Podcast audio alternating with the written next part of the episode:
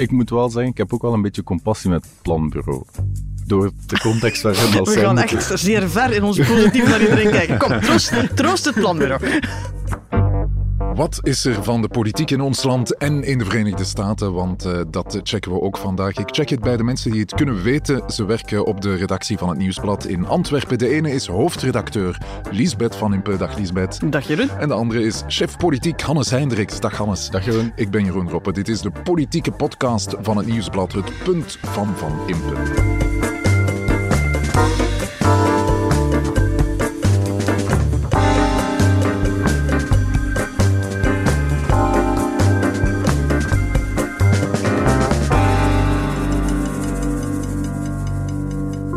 Ons land tekenen de contouren van de verkiezingscampagne zich af. We weten stilaan wie tegenover wie staat en waarover de verkiezingen gaan. Maar het valt me wel op dat eh, veel mensen nog geen flauw idee hebben voor wie ze moeten stemmen. Hè. Heb je ook die indruk, Hannes? Ja, dat is zo wat elke campagne, maar misschien nu nog wel iets Nee, meer. het is meer uitgesproken, denk Ja, ik. tegelijk is dat ook een hoopvol signaal, hè, want dat wil zeggen dat de campagne eh, ergens over zal gaan en mensen zich nog kunnen laten beïnvloeden door die campagne. Ja. Dus Ja, eh, we zijn heel veel bezig over eh, hoe zorgen we ervoor dat niet alles zo ja, eh, negatief klinkt en, en, en op, op de rand van de afgrond. En ik moet zeggen, Hannes de laatste weken doet zeer hard zijn best om zo de moed erin te houden. ja, ja, ja, zo joepie-campagne. ja, de ideeënstrijd. En, ja.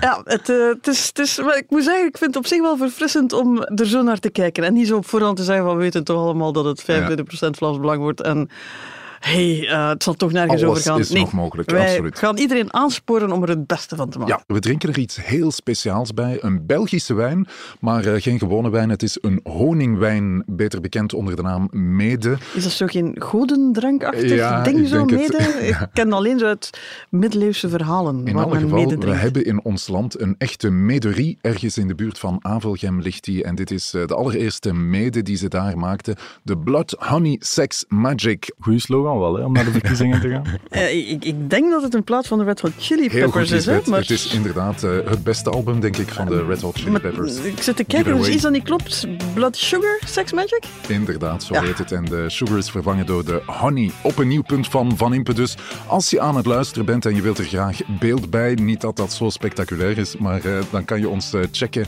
op YouTube, want daar vind je het punt van Van Impe ook integraal. We zijn vertrokken voor een nieuw punt van Van Impe.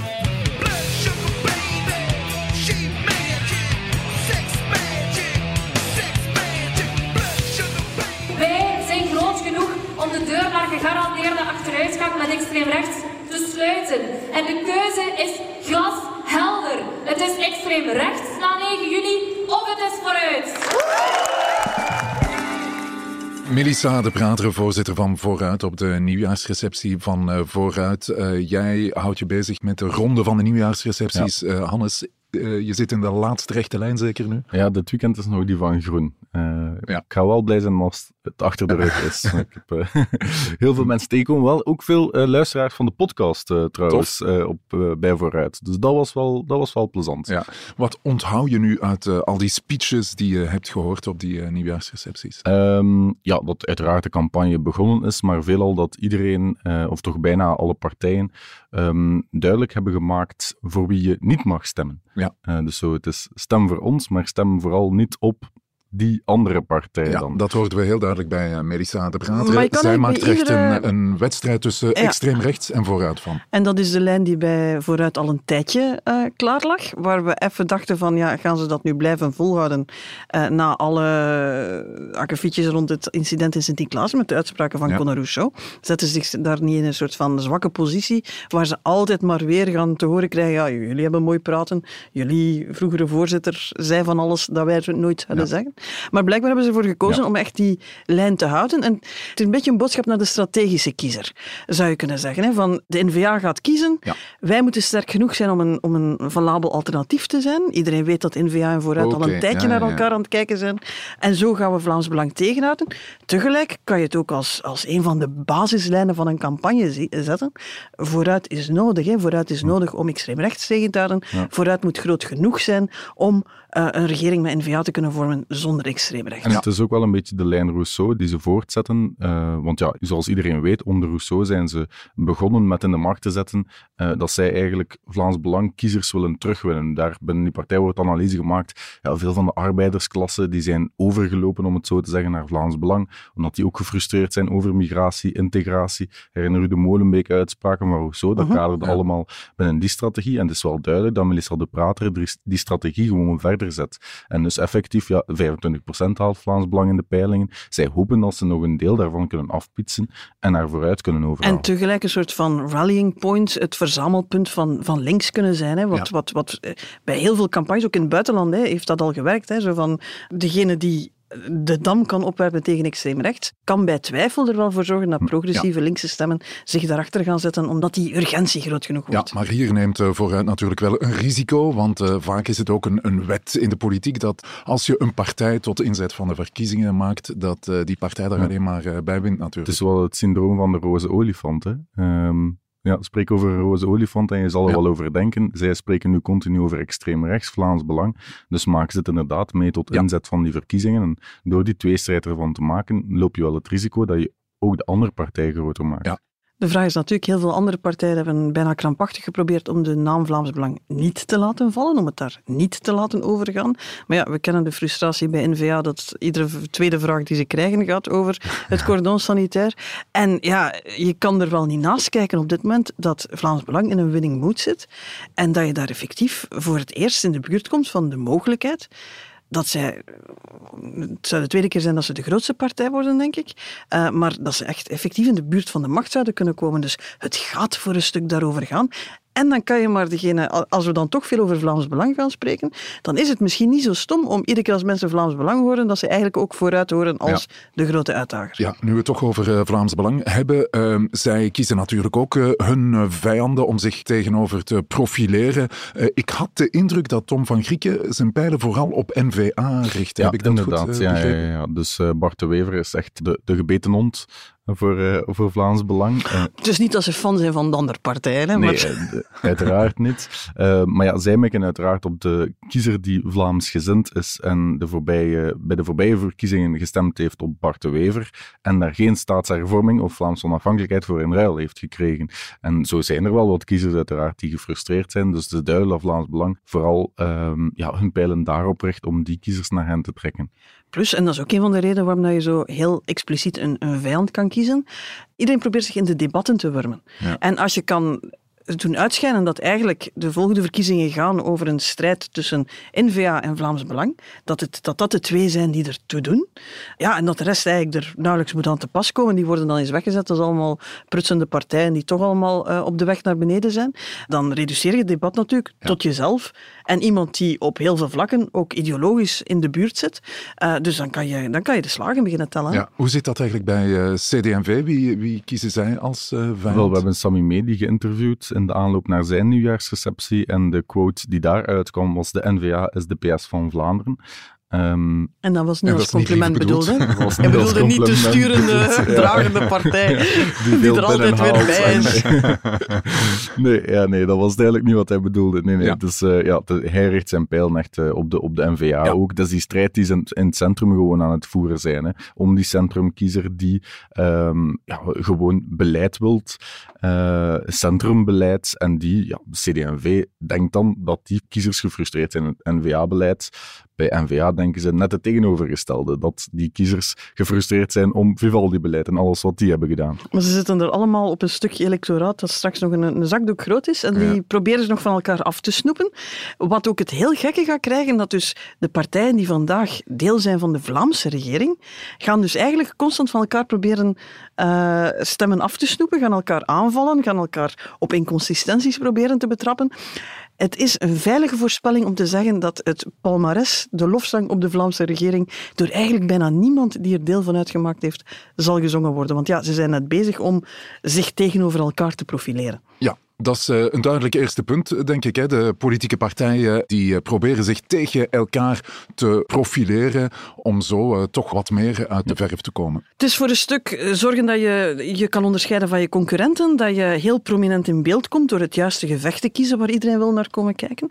Je kan zeggen dat ze allemaal heel veel ehm, ruzie maken of, of kissenbis of noem maar op. Ja, het is deel van het spel. Proberen te bepalen waar het debat over zal gaan. Ik hoorde soms men- mensen zeggen, ja, er waren weinig inhoudelijke voorstellen op nieuwjaarsrecepties.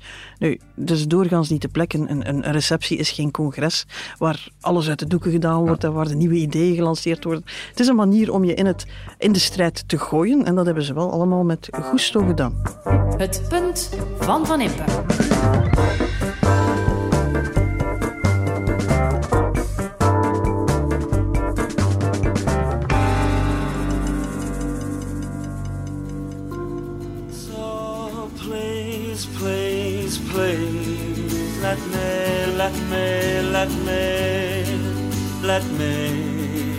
What I want this time. Een fantastisch nummer, een van eh, mijn persoonlijke favorieten. Ik ben altijd een Smits-fan eh, geweest. Je hoorde Dat hier de Smits met eh, Please, niet. Please. Ja. Het is muziek uit mijn puberteit, maar Ja. ik luister er nog altijd heel graag naar. En blijkbaar ook Donald Trump, want het is zijn campagne-nummer. Ik heb Da- Trump nooit associeer verdacht van goede smaak, maar het is wel een het- prachtige... Ik moet zeggen, het is nu als campagnelied om zo een, een, een volle arena naar de hoogste staat van extase te... Ja, pas op. Het kan Ja, werken. Ik weet het niet. Ik, ik- was er in 16 in de States en toen was zijn campagnelied You can't always get what you want. Ja, dat was ja. ook een waar we allemaal in ons haar zaten te krabben van heeft hij wel eens naar die tekst geluisterd? Maar intussen was hij daar die vlaggen aan het knuffelen op het podium. Heel gek allemaal, maar ja, ja goed. In alle geval, eh, voor mij is het de mooiste campagnesong aller tijden. Maar eh, Johnny Marr van de Smiths die kon er niet mee lachen. Die zegt, eh, in geen miljoen jaar heb ik ooit durven denken dat dit nu zou gebeuren. Maar stop er maar onmiddellijk mee. Dat eh, is de vraag van eh, Johnny Marr van eh, de Smiths. In alle geval... Trump die won de voorverkiezingen in eh, New Hampshire onder meer met dit nummer en heeft eh, nu al gewonnen spellen, als ik het goed eh, begrepen heb, nog voor de voorverkiezingen goed en wel beg- eh, begonnen zijn. Hij haalde 55% van de stemmen. Ik vond dat nu niet bepaald een eclatante overwinning. Maar ja, als ik het goed begrijp, zit er wel een groot verschil tussen eh, de echt conservatieve kiezers en dan de vrijere kiezers. Eh, dus dat, eh, Dat is, Ja. ja. dat, dat is waar. Maar ja, het, het- dat Trump een heel hoge score haalt Ja. bij de echte conservatieven en bij de vrije kiezers, dat daar Haley eh, de bovenop heeft daar een grotere aantrekkingskracht. Maar het was eigenlijk de laatste kans voor een van de uitdagers. Herinner je, in 16, toen stonden ze daar met 16, 17 uitdagers op het podium. En toen heeft het heel lang geduurd voordat er uiteindelijk ja, twee, drie en dan uiteindelijk één overbleef.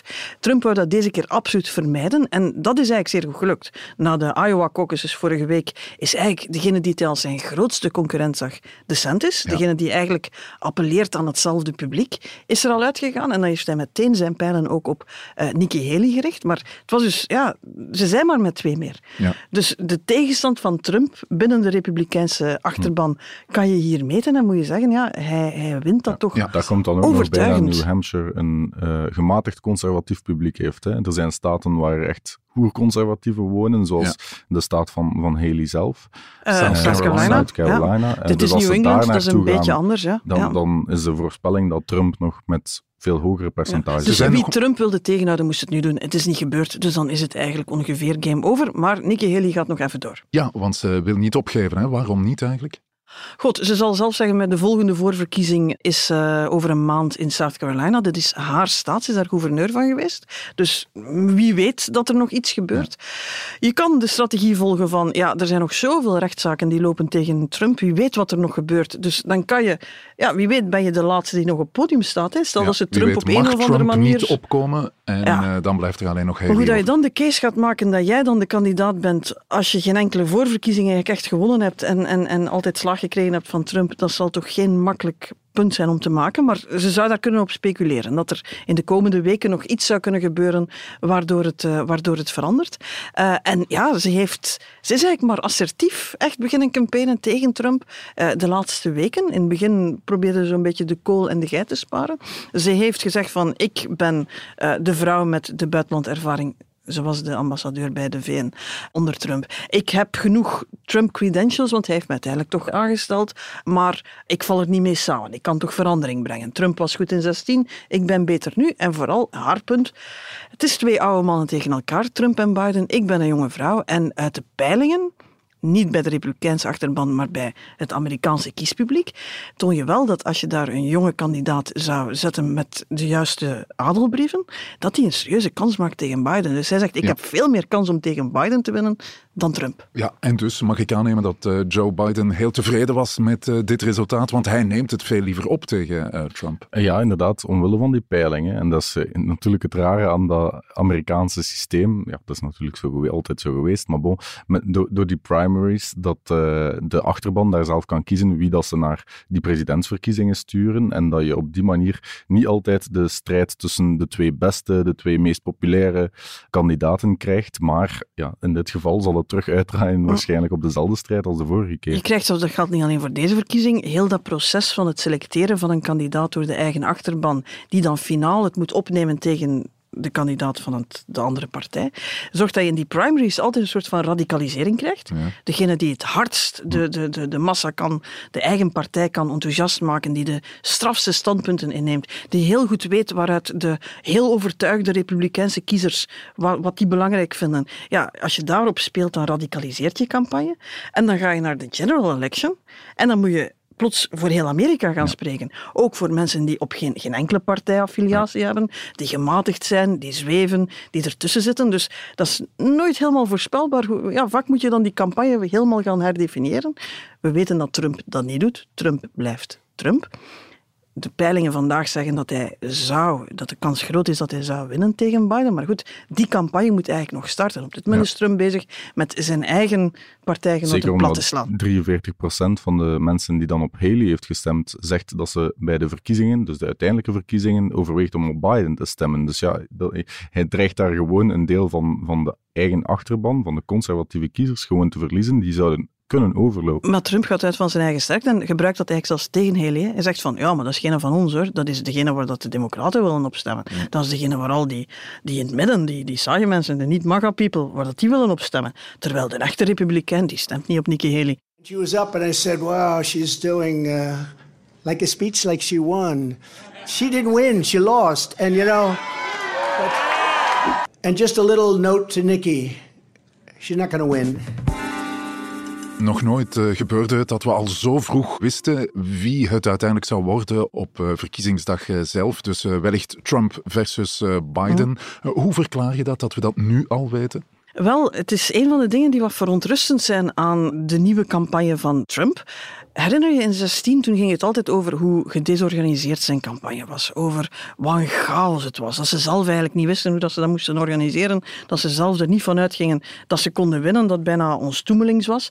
We zeggen al de hele tijd, als Trump nog eens terugkomt, dan zal het veel beter voorbereid zijn. Zowel als kandidaat als als president. Dan gaat hij veel beter weten hoe hij al zijn ideeën, waarvan er een aantal te zot zijn om los te lopen, hoe hij die gaat implementeren. En dat zie je dus ook in die campagne. Die campagne is naar schijnt hyperprofessioneel geworden, zeer goed georganiseerd en was er op gericht om zo rap mogelijk de tegenstand van het podium te shotten. Herinner je, heel de zomer hebben ze daar staan debatteren eh, zonder Trump. Over Trump, zonder Trump, terwijl er niemand hem echt durfde aanvallen. Hij is daar weggebleven, maar hij heeft heel veel geld opgehaald, hij heeft een heel goede machine geïnstalleerd, heel veel spotjes op, op, op tv gestuurd. En ja, je hoort wel van ja, de tijd van de amateur, die zo'n beetje aan, aan het brosselen is, is echt wel voorbij. Betekent dat dat eh, Trump ook eh, voor jou favoriet is eh, voor de verkiezingen in november, Johannes? Het is natuurlijk nog heel lang, dus ik zou daar echt geen voorspellingen over durven doen. Ik weet niet hoe dat jij daar naar kijkt, Lisbeth. Het enige wat we hebben zijn de die vandaag gebeuren in de swing states die er echt doen. Er zijn zo vijf, zes staten waar dat je weet, daar gaan de verkiezingen beslist worden.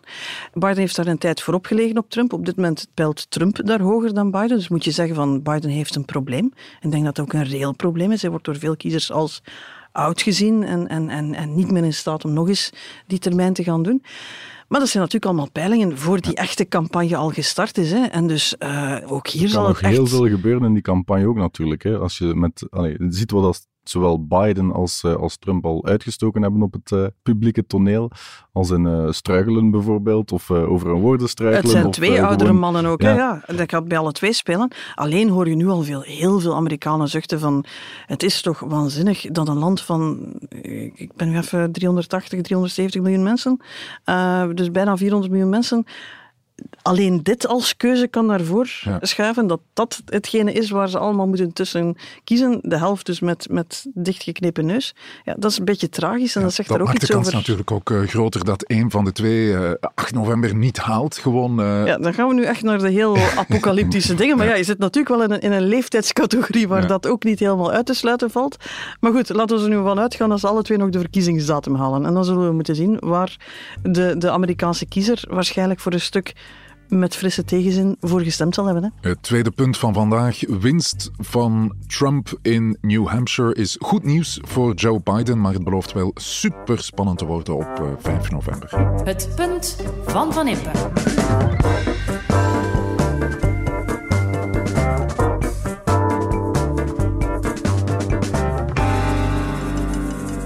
Het planbureau in ons land berekende vijf jaar geleden hoeveel de programma's van de politieke partijen kosten. En dat gaan ze nu ook doen. Maar elke partij moet wel laten weten welke verkiezingsbeloften voor hen het belangrijkst zijn. En dan eh, gaat het planbureau daarmee aan de slag. Dat is eh, traditie eh, geworden eigenlijk. Hè? Het komt uit Nederland. Hè? Nederland is al een gigantische traditie. Daar, Ja. het Centraal Planbureau rekent daar de programma's echt tot op de komma na.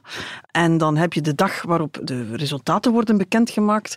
En dan zie je daar iedereen staan van, ah, ik geef 20 euro meer aan de gepensioneerden. Ik ben Ja. 0,1 beter voor de werkgelegenheid. Ik kijk daar altijd met een zekere gemengde gevoelens naar. Je kan er niet tegen zijn dat een programma een beetje op zijn beloftes gecheckt wordt. Want Ja. je kan van alles beweren in een programma, maar ja, als je het ooit beleid wil laten zijn, dan moeten de cijfers wel een beetje kloppen. Maar het dreigt, als je, als je dat in Nederland bekijkt, ook wel een beetje fetischisme te worden, waar dan zo echt de Haagse bubbel ehm, met elkaar aan het discussiëren zijn, een beetje boven de hoofden van de kiezers heen. En eh, ja, dan zie je wel de stoorzenders, al Geert Wilders en zo, Ja. die doen daar nou van de keren gewoon niet aan mee. Omdat hij de ene keer geen partijprogramma heeft. Heeft dus een partijprogramma een programma had dat op een A4'tje paste. Eh, of omdat hij dat allemaal een beetje... Dus het idee dat de rationele kiezer daar gaat doorgaan en zeggen van god ja, ik ben Ja. misschien... Ik vind het pensioenvoorstel van die wat beter, maar met de werkloosheid is deze beter. Wat ga ik nu doen? Zo zit de kiezer niet aan één, maar het is een interessante toevoeging aan het debat. Ja, interessant. Vindt Lisbeth, vind jij het ook eh, een goed idee om, om eh, dat allemaal te berekenen? Ja, ja, ja, tuurlijk. Omdat ja, heel veel partijen stellen heel veel dingen voor waarbij zowel wij als de kiezer zich niet heel veel kan voorstellen. En als je dan de impact van bepaalde maatregelen, het gaat dan bijvoorbeeld uh, beperking werkloosheid, uitkering in de tijd bijvoorbeeld, als je dan de, de concrete impact daarvan uh, op de staatskas, Ja. op de arbeidsmarkt enzovoort, Ja, dat vindt NVA heel belangrijk. ja, kan gaan becijferen, uh, ja, dan is dat gewoon interessant. Maar je voelt hier al het verschil tussen ons en Nederlanders, die toch vaak iets zakelijker aan politiek doen.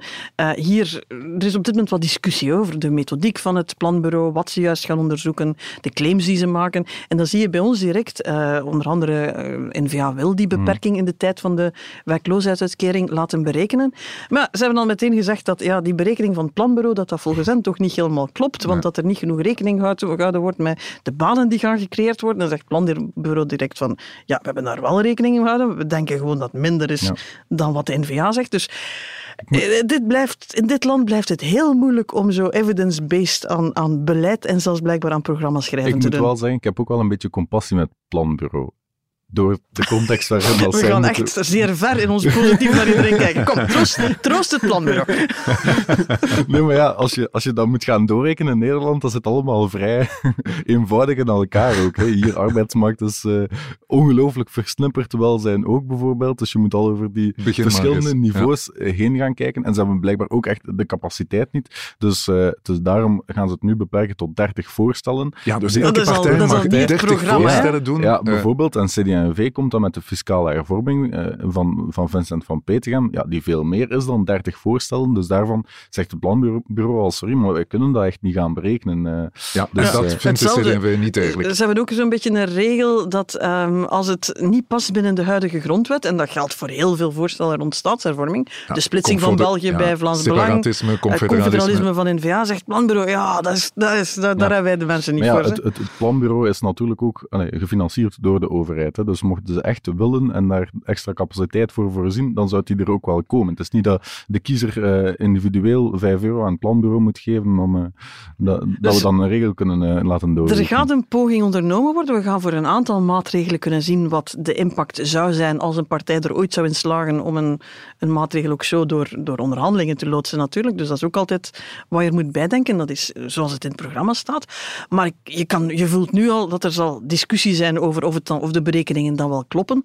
Eh, we zien dat trouwens in de regeringen ook. Hè. De Vlaamse regering ging op een bepaald moment zo evidence-based met experts beleid gaan voeren, totdat die experts zeggen dat die jobbonus op niks trekt. En dan zeggen ze, maar we gaan het toch doen, want wij geloven dat dat wel een verschil gaat maken. Dus onze politiek is daar niet zo goed in, in dat soort eh, dingen. Nu, partijen moeten ook zelf hun keuzes maken natuurlijk. Hè. Je kan ook ervoor kiezen om een gigantisch gat in de begroting te slaan. Hè.